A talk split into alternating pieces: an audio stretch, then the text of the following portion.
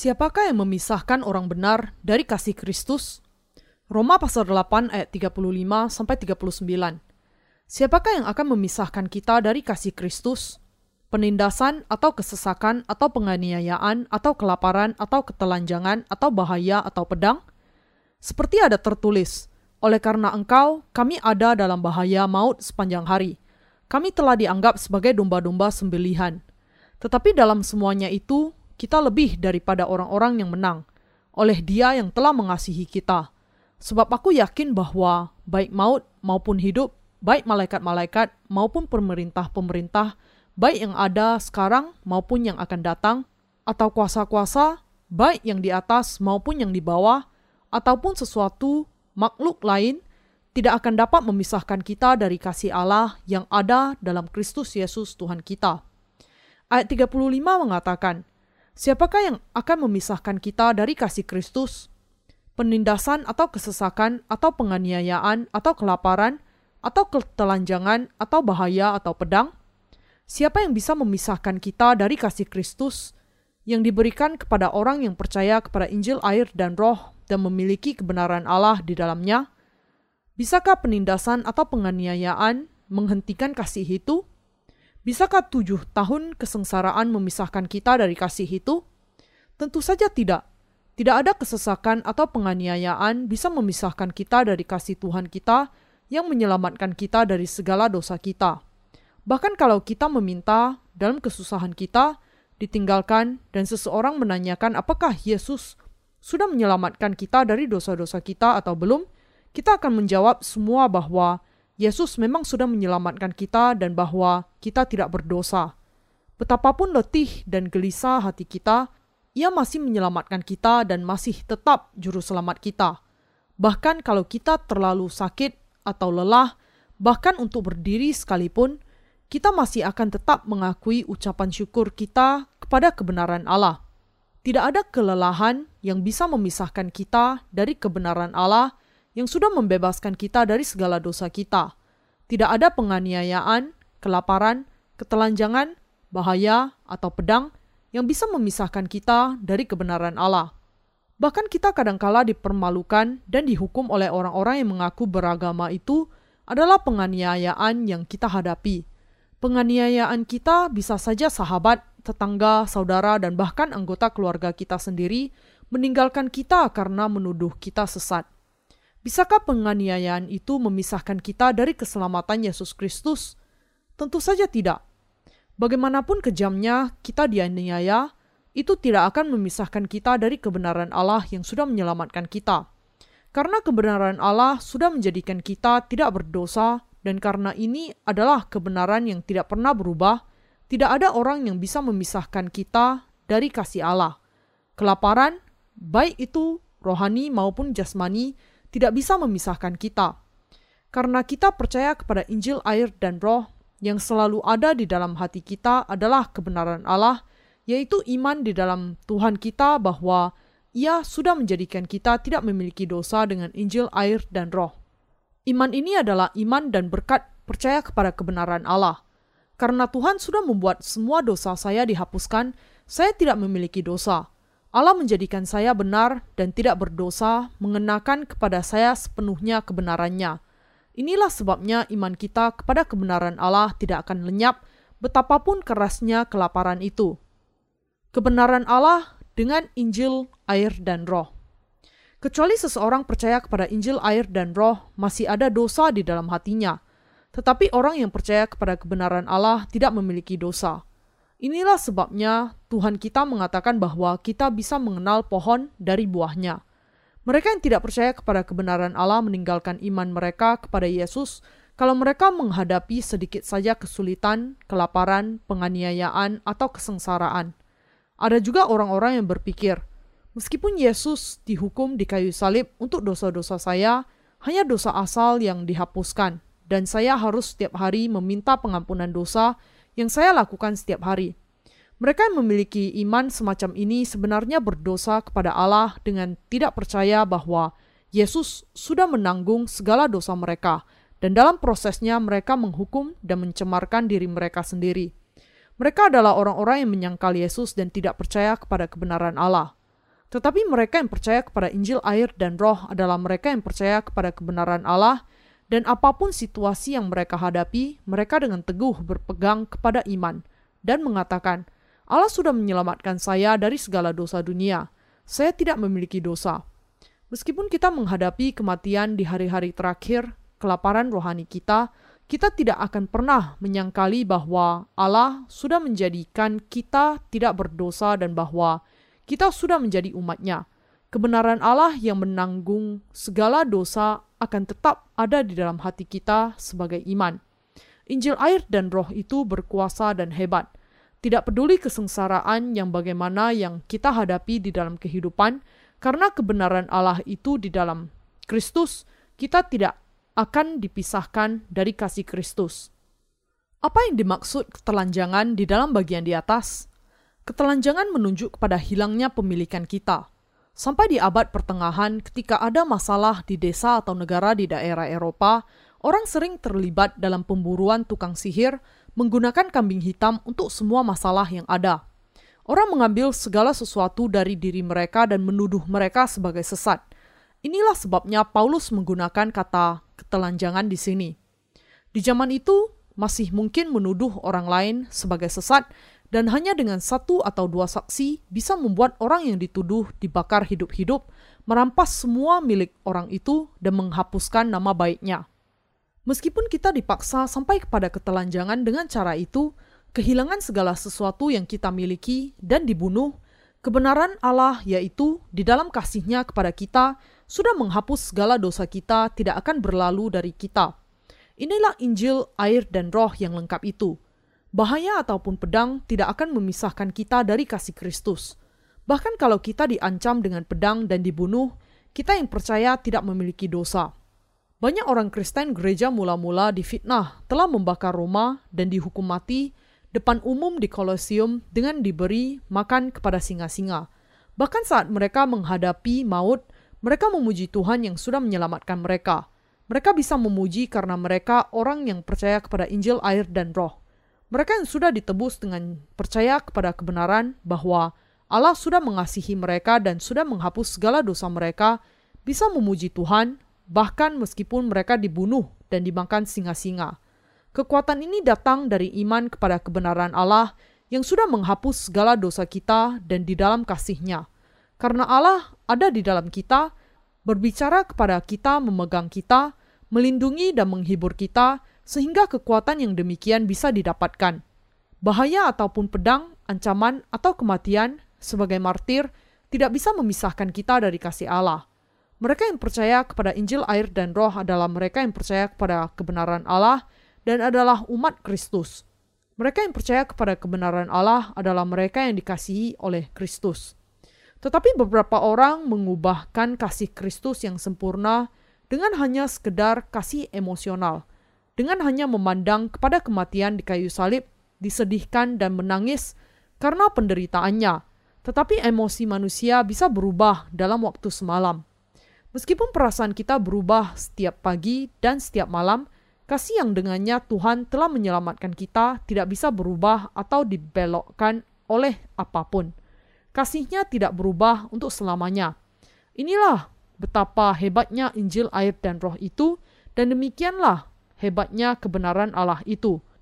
Tidak ada yang bisa memisahkan kita dari Tuhan kita yang sudah menjadikan kita sempurna dan yang mengenakan kepada kita kasihnya yang sempurna. Inilah kuasa Injil, air, dan roh, dan ini juga kuasa iman kepada kebenaran Allah. Kata Yunani untuk Injil adalah eugelion dan dikatakan bahwa ia memiliki dunamis. Ini adalah kata Yunani yang berarti kekuatan, kuasa, atau kemampuan yang darinya kita mendapatkan kata dinamit Allah. Beberapa batang dinamit saja sanggup meruntuhkan sebuah rumah sampai kepada pondasinya menjadi debu. Sebuah rudal, tomahawk, yang diluncurkan dari sebuah kapal perang bisa menghancurkan bangunan yang terbuat dari beton dan menjadikannya puing-puing. Tidak peduli betapa kuatnya bangunan itu, ia tetap tidak bisa menandingi kuasa penghancuran dari rudal itu. Dua pesawat sipil meruntuhkan menara kembar World Trade Center di New York. Apa yang terjadi ketika pesawat itu menabrak bangunan? Dipicu oleh ledakan pesawat, api yang menyala karena bahan bakar untuk pesawat itu membuat api berkorbar dengan dahsyat di tempat yang ditembusi pesawat itu. Karena besi rangka bangunan yang menyangga bangunan itu meleleh, maka lantai yang tertabrak kemudian runtuh dan bangunan tidak bisa menyangga beratnya lantai yang runtuh sehingga akhirnya bangunan itu ambruk sama sekali. Kalau lantai itu tidak runtuh dengan cepat, bangunan itu tidak akan ambruk.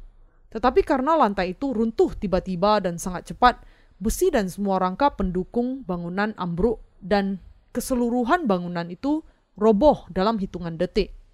Kuasa Injil Allah adalah Injil air dan roh. Itu juga kuasa yang memiliki kebenarannya di dalamnya. Mungkin kurang cocok untuk menjadikan tragedi itu sebagai gambaran untuk kebenaran Allah – tetapi kuasa Injil air dan roh yang diberikan oleh kebenaran Allah itu seperti dinamit yang sepenuhnya bisa menghapus segala dosa. Kebenaran Allah adalah bahwa Tuhan kita sudah menyelamatkan kita dengan datang ke bumi ini, dibaptiskan, mati di kayu salib, dan bangkit dari kematian. Injil air dan roh adalah kebenaran Allah yang dengannya Yesus menghapus segala dosa yang dilakukan manusia sejak awal dunia hingga akhirnya. Inilah sebabnya tidak ada yang bisa memisahkan Allah dari mereka yang dikasihi olehnya melalui penebusan mereka melalui iman kepada Injil kebenaran Allah. Iman Paulus juga adalah yang percaya kepada kebenaran Allah. Bisakah kita kemudian menerima kebenaran Allah hanya dengan Injil darah di kayu salib saja? Tidak bisa.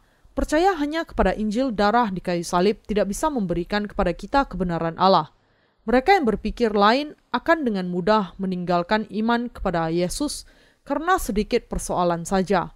Sebagai contoh, ketika milik duniawi mereka diambil atau ketika mereka menghadapi kesulitan di pekerjaan karena orientasi keagamaan mereka, mereka akan dengan mudah menyerah untuk mengingkari imannya. Ini adalah akibat yang tidak bisa dielakkan dan bisa terjadi kepada banyak orang Kristen. Mereka yang dengan tidak percaya kepada Injil air dan roh tidak memiliki roh kudus di dalam hati mereka dan tidak ditebus dari dosa-dosa mereka dan ditentukan untuk menyerah kepada ancaman yang kecil sekalipun. Alasan mengapa orang Kristen zaman ini begitu lemah di dunia ini adalah karena iman mereka terbatas hanya kepada darah di kayu salib. Iman jenis ini tidak menerima kebenaran Allah melalui Injil air dan roh. Orang percaya yang benar yang sudah ditebus dari segala dosa-dosanya dengan menerima kebenaran Allah bisa bekerja untuk banyak jiwa. Karena ia percaya kepada Injil, air, dan roh dan memiliki roh kudus, dan karena Allah ada di dalam dia, dalam firman-Nya. Orang itu bisa melakukan banyak pekerjaan rohani dan mengembalikan banyak jiwa yang sesat kembali kepada Allah. Inilah iman kepada kebenaran Allah, iman di dalam Injil, air, dan roh. Injil air dan roh diberikan oleh Allah bukan oleh pekerjaan kita sendiri. Dan dengan demikian, hanya karena Allah kita bisa melakukan pekerjaannya. Ayat 36 mengatakan, seperti ada tertulis, oleh karena engkau, kami ada dalam bahaya maut sepanjang hari. Kami telah dianggap sebagai domba-domba sembelihan. Di antara mereka yang percaya kepada Injil air dan roh adalah orang-orang yang diperlakukan demikian ketika hidup di dunia ini Bahkan orang yang percaya kepada Injil, air, dan roh sering dibenci oleh orang lain, khususnya oleh mereka yang memiliki iman yang salah, yang mengaku diri mereka sebagai orang Kristen. Orang Kristen yang dilahirkan kembali adalah, dengan kata lain, lebih dibenci oleh orang-orang Kristen nominal dibandingkan dengan orang-orang Buddha.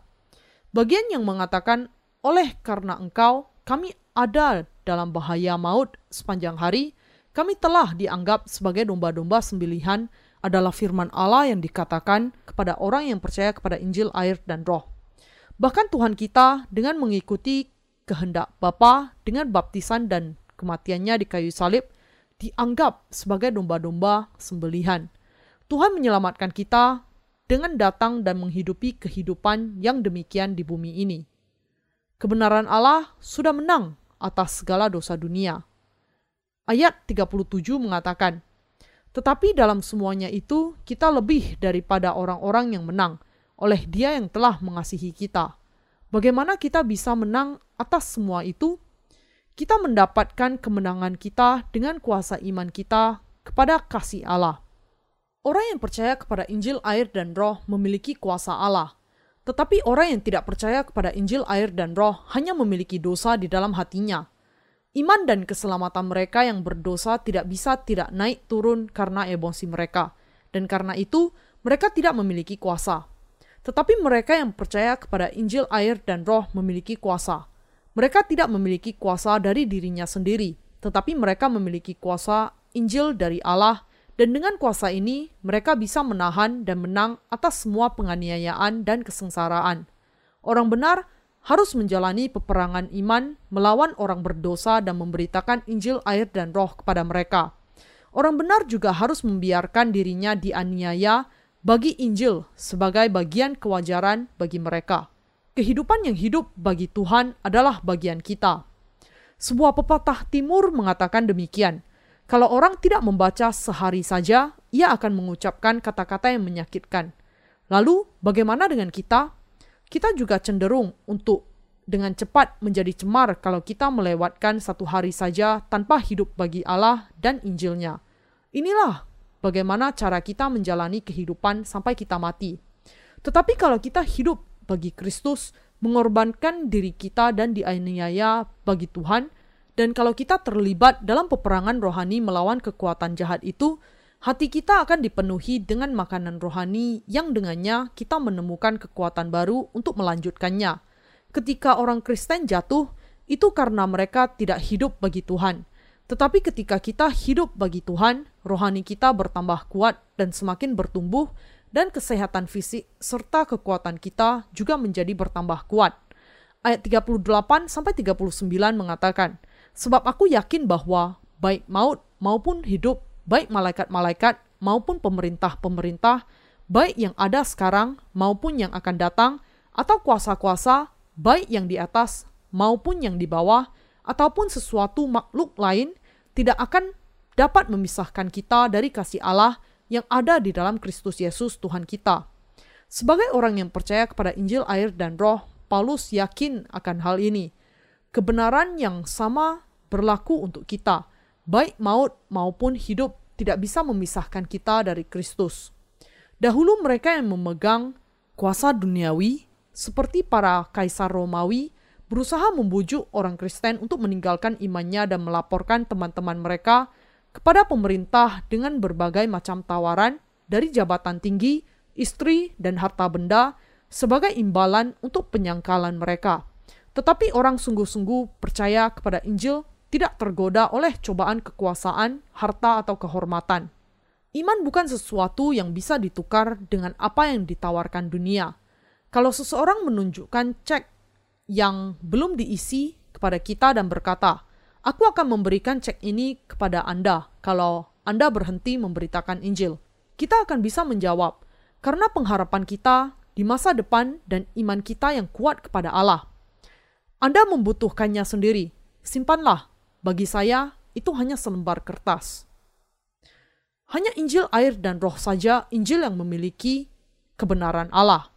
Ada banyak orang yang mengatakan kepada saya, kalau Anda mengaku saja bahwa iman kami kepada darah di kayu salib adalah iman yang benar, kami juga akan mengakui iman Anda. Kami tidak hanya akan berhenti menyebut Anda sesat, tetapi kami akan menolong Anda. Orang-orang yang disebut pemimpin agama ini dalam beberapa hal mencoba untuk berkompromi dengan saya. Tetapi kebenaran Allah begitu tepat dan pasti ketika diukur dengan firman-Nya. Apa yang salah adalah salah dan apa yang benar adalah benar. Memberi pengakuan kepada iman yang salah itu sendiri tindakan melawan Allah.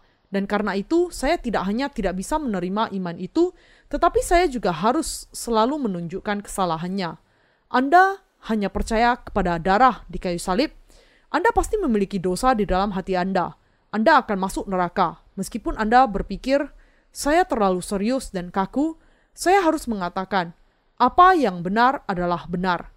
Karena perkataan yang demikian, banyak orang yang menjaga jarak dari saya. Tepatnya, mereka tidak bisa dekat dengan saya. Banyak orang mencoba mendekati saya karena berpikir bahwa saya sama dengan mereka.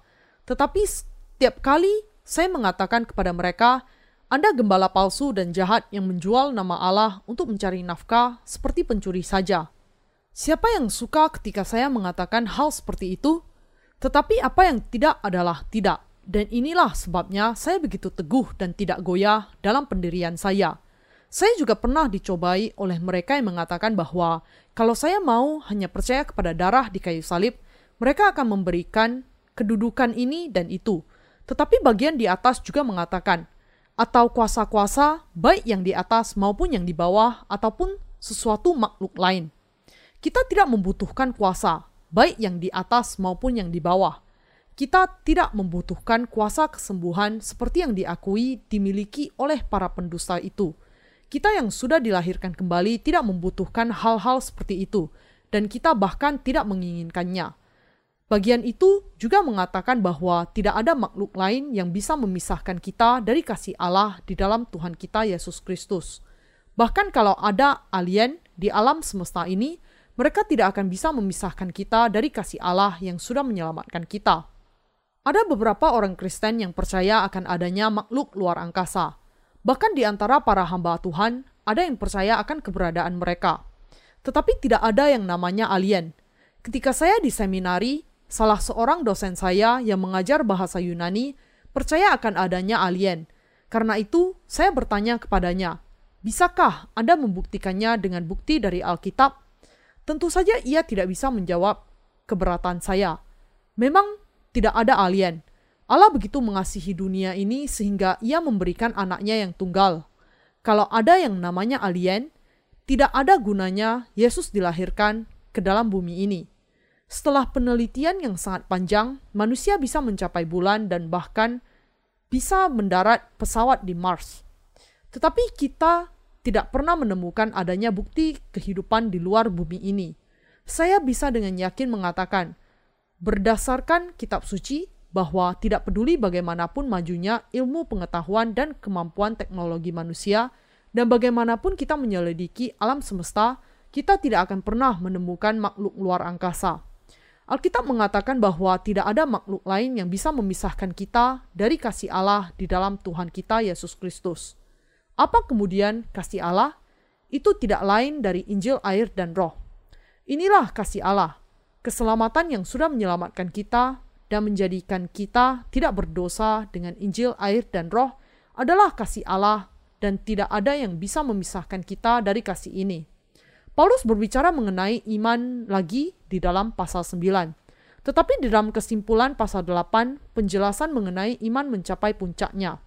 Pasal 1 sampai pasal 8, surat Roma membentuk sebuah tema, dan dengan pasal 8 sebagai pasal kesimpulan, Di sinilah puncak dari iman dicapai. Seperti yang ditunjukkan di dalam firman Allah dalam pasal 8, hanya orang yang percaya kepada Injil air dan roh yang bisa tidak terpisahkan dari kasih Allah. Mereka yang tidak percaya bagaimanapun tidak bisa demikian. Mungkin mereka bisa sementara hidup di dalam Tuhan, tetapi mereka tidak bisa mempertahankan iman dan hidup bagi dia sampai mati. Mereka mungkin bisa hidup saleh selama 10-20 tahun, tetapi iman mereka akan memudar dan kemudian padam karena mereka memang terpisah sama sekali dan tidak memiliki hubungan dengan Allah. Itu bukan karena perbuatan mereka kurang, tetapi karena kasih bagi Kristus di dalam hati mereka akan lenyap. Karena mereka tidak menerima Roh Kudus di dalam pikiran mereka, mereka tidak bisa mengasihi Tuhan di dalam hatinya. Singkatnya adalah justru ada dosa di dalam hati mereka. Semakin hari saya semakin sadar betapa dalam dan betapa sempurnanya kasih keselamatan itu yang dengannya Tuhan menyelamatkan kita melalui Injil, air, dan roh. Ketika saya pertama kali bertemu Tuhan, kedalaman penghargaan saya akan Kristus masih tenang dan sunyi, seperti batu yang dilempar ke laut, menyebabkan adanya ombak yang hampir tidak tampak sama sekali. Respon saya hanya kesadaran yang sunyi akan kenyataan bahwa Yesus menanggung segala dosa saya dan bahwa saya dengan itu menjadi tidak berdosa. Tetapi ketika menghidupi kehidupan memberitakan Injil, ombak di dalam hati saya menjadi semakin besar dan dalam, seperti ada bom yang meledak di dalam hati saya. Siapa yang mengatakan bahwa kita hanya harus percaya kepada darah di kayu salib? Apakah Paulus mengatakannya? Dalam surat Roma, Paulus dengan jelas dan tanpa ragu mengatakan mengenai Injil air dan roh. Atau tidak tahukah kamu bahwa kita semua yang telah dibaptis dalam Kristus telah dibaptis dalam kematiannya? Dengan demikian, kita telah dikuburkan bersama-sama dengan Dia oleh baptisan dalam kematian, supaya sama seperti Kristus telah dibangkitkan dari antara orang mati oleh kemuliaan Bapa, demikian juga kita akan hidup dalam hidup yang baru. Roma pasal 6 ayat 3 sampai 4. Bukankah Injil air dan roh sungguh-sungguh hebat dan sempurna? Tidak peduli betapa kecilnya iman itu, kalau seseorang percaya kepada Injil air dan roh, maka ia akan diselamatkan dari dosa. Betapapun kelemahan yang mungkin Anda miliki, iman Anda disempurnakan dengan Injil, air, dan Roh. Bahkan meskipun kita tidak memiliki kuasa sendiri, kalau kita hidup bagi Allah dan dengan Allah, semua kotoran akan diangkat dari hati kita. Tetapi mereka yang tidak percaya sejak awal, pada akhirnya akan menentang Allah dan meninggalkannya, walaupun mereka sudah mendengar Injil dan hidup dengannya selama 10 tahun. Mereka yang memutuskan untuk tidak melihat atau mendengar kebenaran Allah dengan menutup mata dan telinga itu begitu bodoh, karena menolak berkat Allah dengan tangannya sendiri dan berjalan menuju kematian mereka sendiri. Mereka menyalibkan Kristus setiap hari dengan dosa-dosa mereka, bahkan meskipun tidak akan ada kematian di kayu salib kalau bukan karena baptisan Yesus. Saya menyadari setiap hari betapa hebat dan sempurnanya Injil ini, Semakin saya lemah, semakin saya menyadari betapa menakjubkan dan sempurna kasih Tuhan kita yang ditunjukkan di dalam Injil, dan semakin bersyukur kepadanya. Semakin saya memberitakan Injil ini, semakin saya bertambah kuat, dan semakin saya memberitakan Injil ini, semakin saya bertambah yakin. Bahkan kalau Anda dilahirkan kembali, kalau Anda tidak mendengar firman Allah dan melayaninya, lumut akan mulai tumbuh di dalam pikiran Anda. Dan karena lumut itu, pikiran Anda akan menjadi karatan. Kalau ini terjadi, nyanyikan lagu pujian Anda lagi dan pikirkan mengenai Yehua. Dengan menyanyikan pujian kepada Allah, pikiran Anda akan dibersihkan dan Anda akan bisa mengangkat semangat Anda kembali. Anda harus menggoyang pikiran Anda untuk membuang segala sesuatu yang tidak suci dan memperbaharui hati Anda dengan memenuhinya dengan firman Allah – Hati kita sudah dibersihkan, tetapi kalau kekotoran dunia memasuki pikiran kita dan berusaha membingungkan dan menyesatkan kita, kita bisa memuji Allah dan berdoa kepadanya lagi dengan menyanyikan pujian kepada Tuhan, memperbaharui dan mengangkat kembali hati kita. Tidak peduli di mana pun kita berada, pujian kepada Allah adalah pengalaman yang sangat menakjubkan. Tidak ada dosa di dalam pikiran mereka yang sudah ditebus. Jadi memuji dan bersuka cita keluar secara alamiah dari pikiran mereka. Nyanyian hati kita yang penuh sukacita bisa membuat semua lumut yang tumbuh di dalam pikiran kita dilenyapkan. Kadangkala kelemahan kita dinyatakan, karena pemikiran dan perasaan kita bisa dengan mudah berubah kalau situasinya berubah, meskipun kita mungkin bahagia dan senang kalau kita bersama-sama dengan saudara di dalam Kristus, kita bisa saja menjadi cemar dan pikiran kita tidak suci kalau kita sedang sendiri. Itulah sebabnya Paulus berseru ketika memandang dagingnya sendiri. Aku manusia celaka, siapakah yang akan melepaskan aku dari tubuh maut ini? Syukur kepada Allah oleh Yesus Kristus Tuhan kita. Roma pasal 7 ayat 24 sampai 25. Paulus sudah menjadi penuh dengan diselamatkan melalui Injil air dan roh meskipun ia masih memiliki kelemahan di dalam daging. Apakah Paulus satu-satunya orang yang seperti ini? Saya juga seperti Paulus. Apakah Anda tidak seperti dia? Ketika orang dunia berkumpul bersama, mereka biasanya minum, sering berbicara mengenai pekerjaan mereka dan siapa yang naik pangkat dan siapa yang tidak, dan sebagainya. Sementara para wanitanya sibuk membanggakan suami mereka, anak-anak, rumah, dan lain-lain. Tetapi percakapan di antara orang benar beda kualitas dengan orang dunia. Bahkan saat kita makan bersama, kita berbicara mengenai jiwa-jiwa yang belum diselamatkan di seluruh dunia. Di India, Jepang, Eropa, Afrika, Amerika Serikat, dan lain-lainnya, memuji Allah dan membagi persekutuan dengan pikiran kita. Ketika membaca surat Roma, kita bisa mengalami dan membagi hati kita iman Paulus sendiri. Kita juga bisa menemukan betapa hebatnya keselamatan yang diberikan Allah. Kita bisa merasakan kehebatan Injil kita bisa memahami ayat-ayat Alkitab dan menemukan makna yang tersembunyi. Karena kita menyadari betapa sempurna dan lengkapnya keselamatan Tuhan, kita tidak bisa tidak memuji kebenarannya. Bahkan kalau seluruh dunia berubah sekarang ini, Injil air dan roh yang sudah menyelamatkan kita dari dosa-dosa kita tidak akan berubah.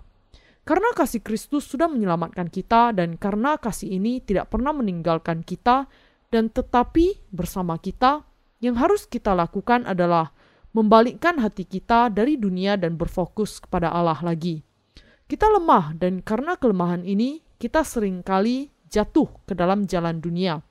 Tetapi setiap kali hal itu terjadi, kita hanya harus memusatkan pikiran kita kepada Allah dan percaya kepada kebenaran bahwa Tuhan kita sudah menyelamatkan kita. Daging kita harus diubahkan dan masih hidup di bawah hukum dosa. Kita harus selalu menyangkali daging kita dan menjalani kehidupan kita dengan pemikiran rohani. Untuk bisa menghentikan tumbuhnya lumut di dalam hati kita, kita harus selalu kembali kepada Allah dan memuji kebenarannya. Apakah Anda menyadari kuasa Injil, air, dan roh? Karena seluruh kitab Roma didasari kepada Injil, air, dan roh, kita tidak bisa membuka firman Allah tanpa terlebih dahulu percaya kepada Injil ini. Saya bersyukur kepada Tuhan yang memungkinkan kita membuka dan melihat rahasia firman ini. Tidak ada yang bisa memisahkan kita dari kebenaran Allah yang adalah kasih Kristus. Kalau Anda mau percaya kepada kebenaran Allah, percayalah kepada baptisan Yesus oleh Yohanes dan darahnya di kayu salib sebagai penebusan dan keselamatan Anda. Anda juga akan menerima kebenaran Allah. Kiranya berkat kebenaran Allah menyertai Anda.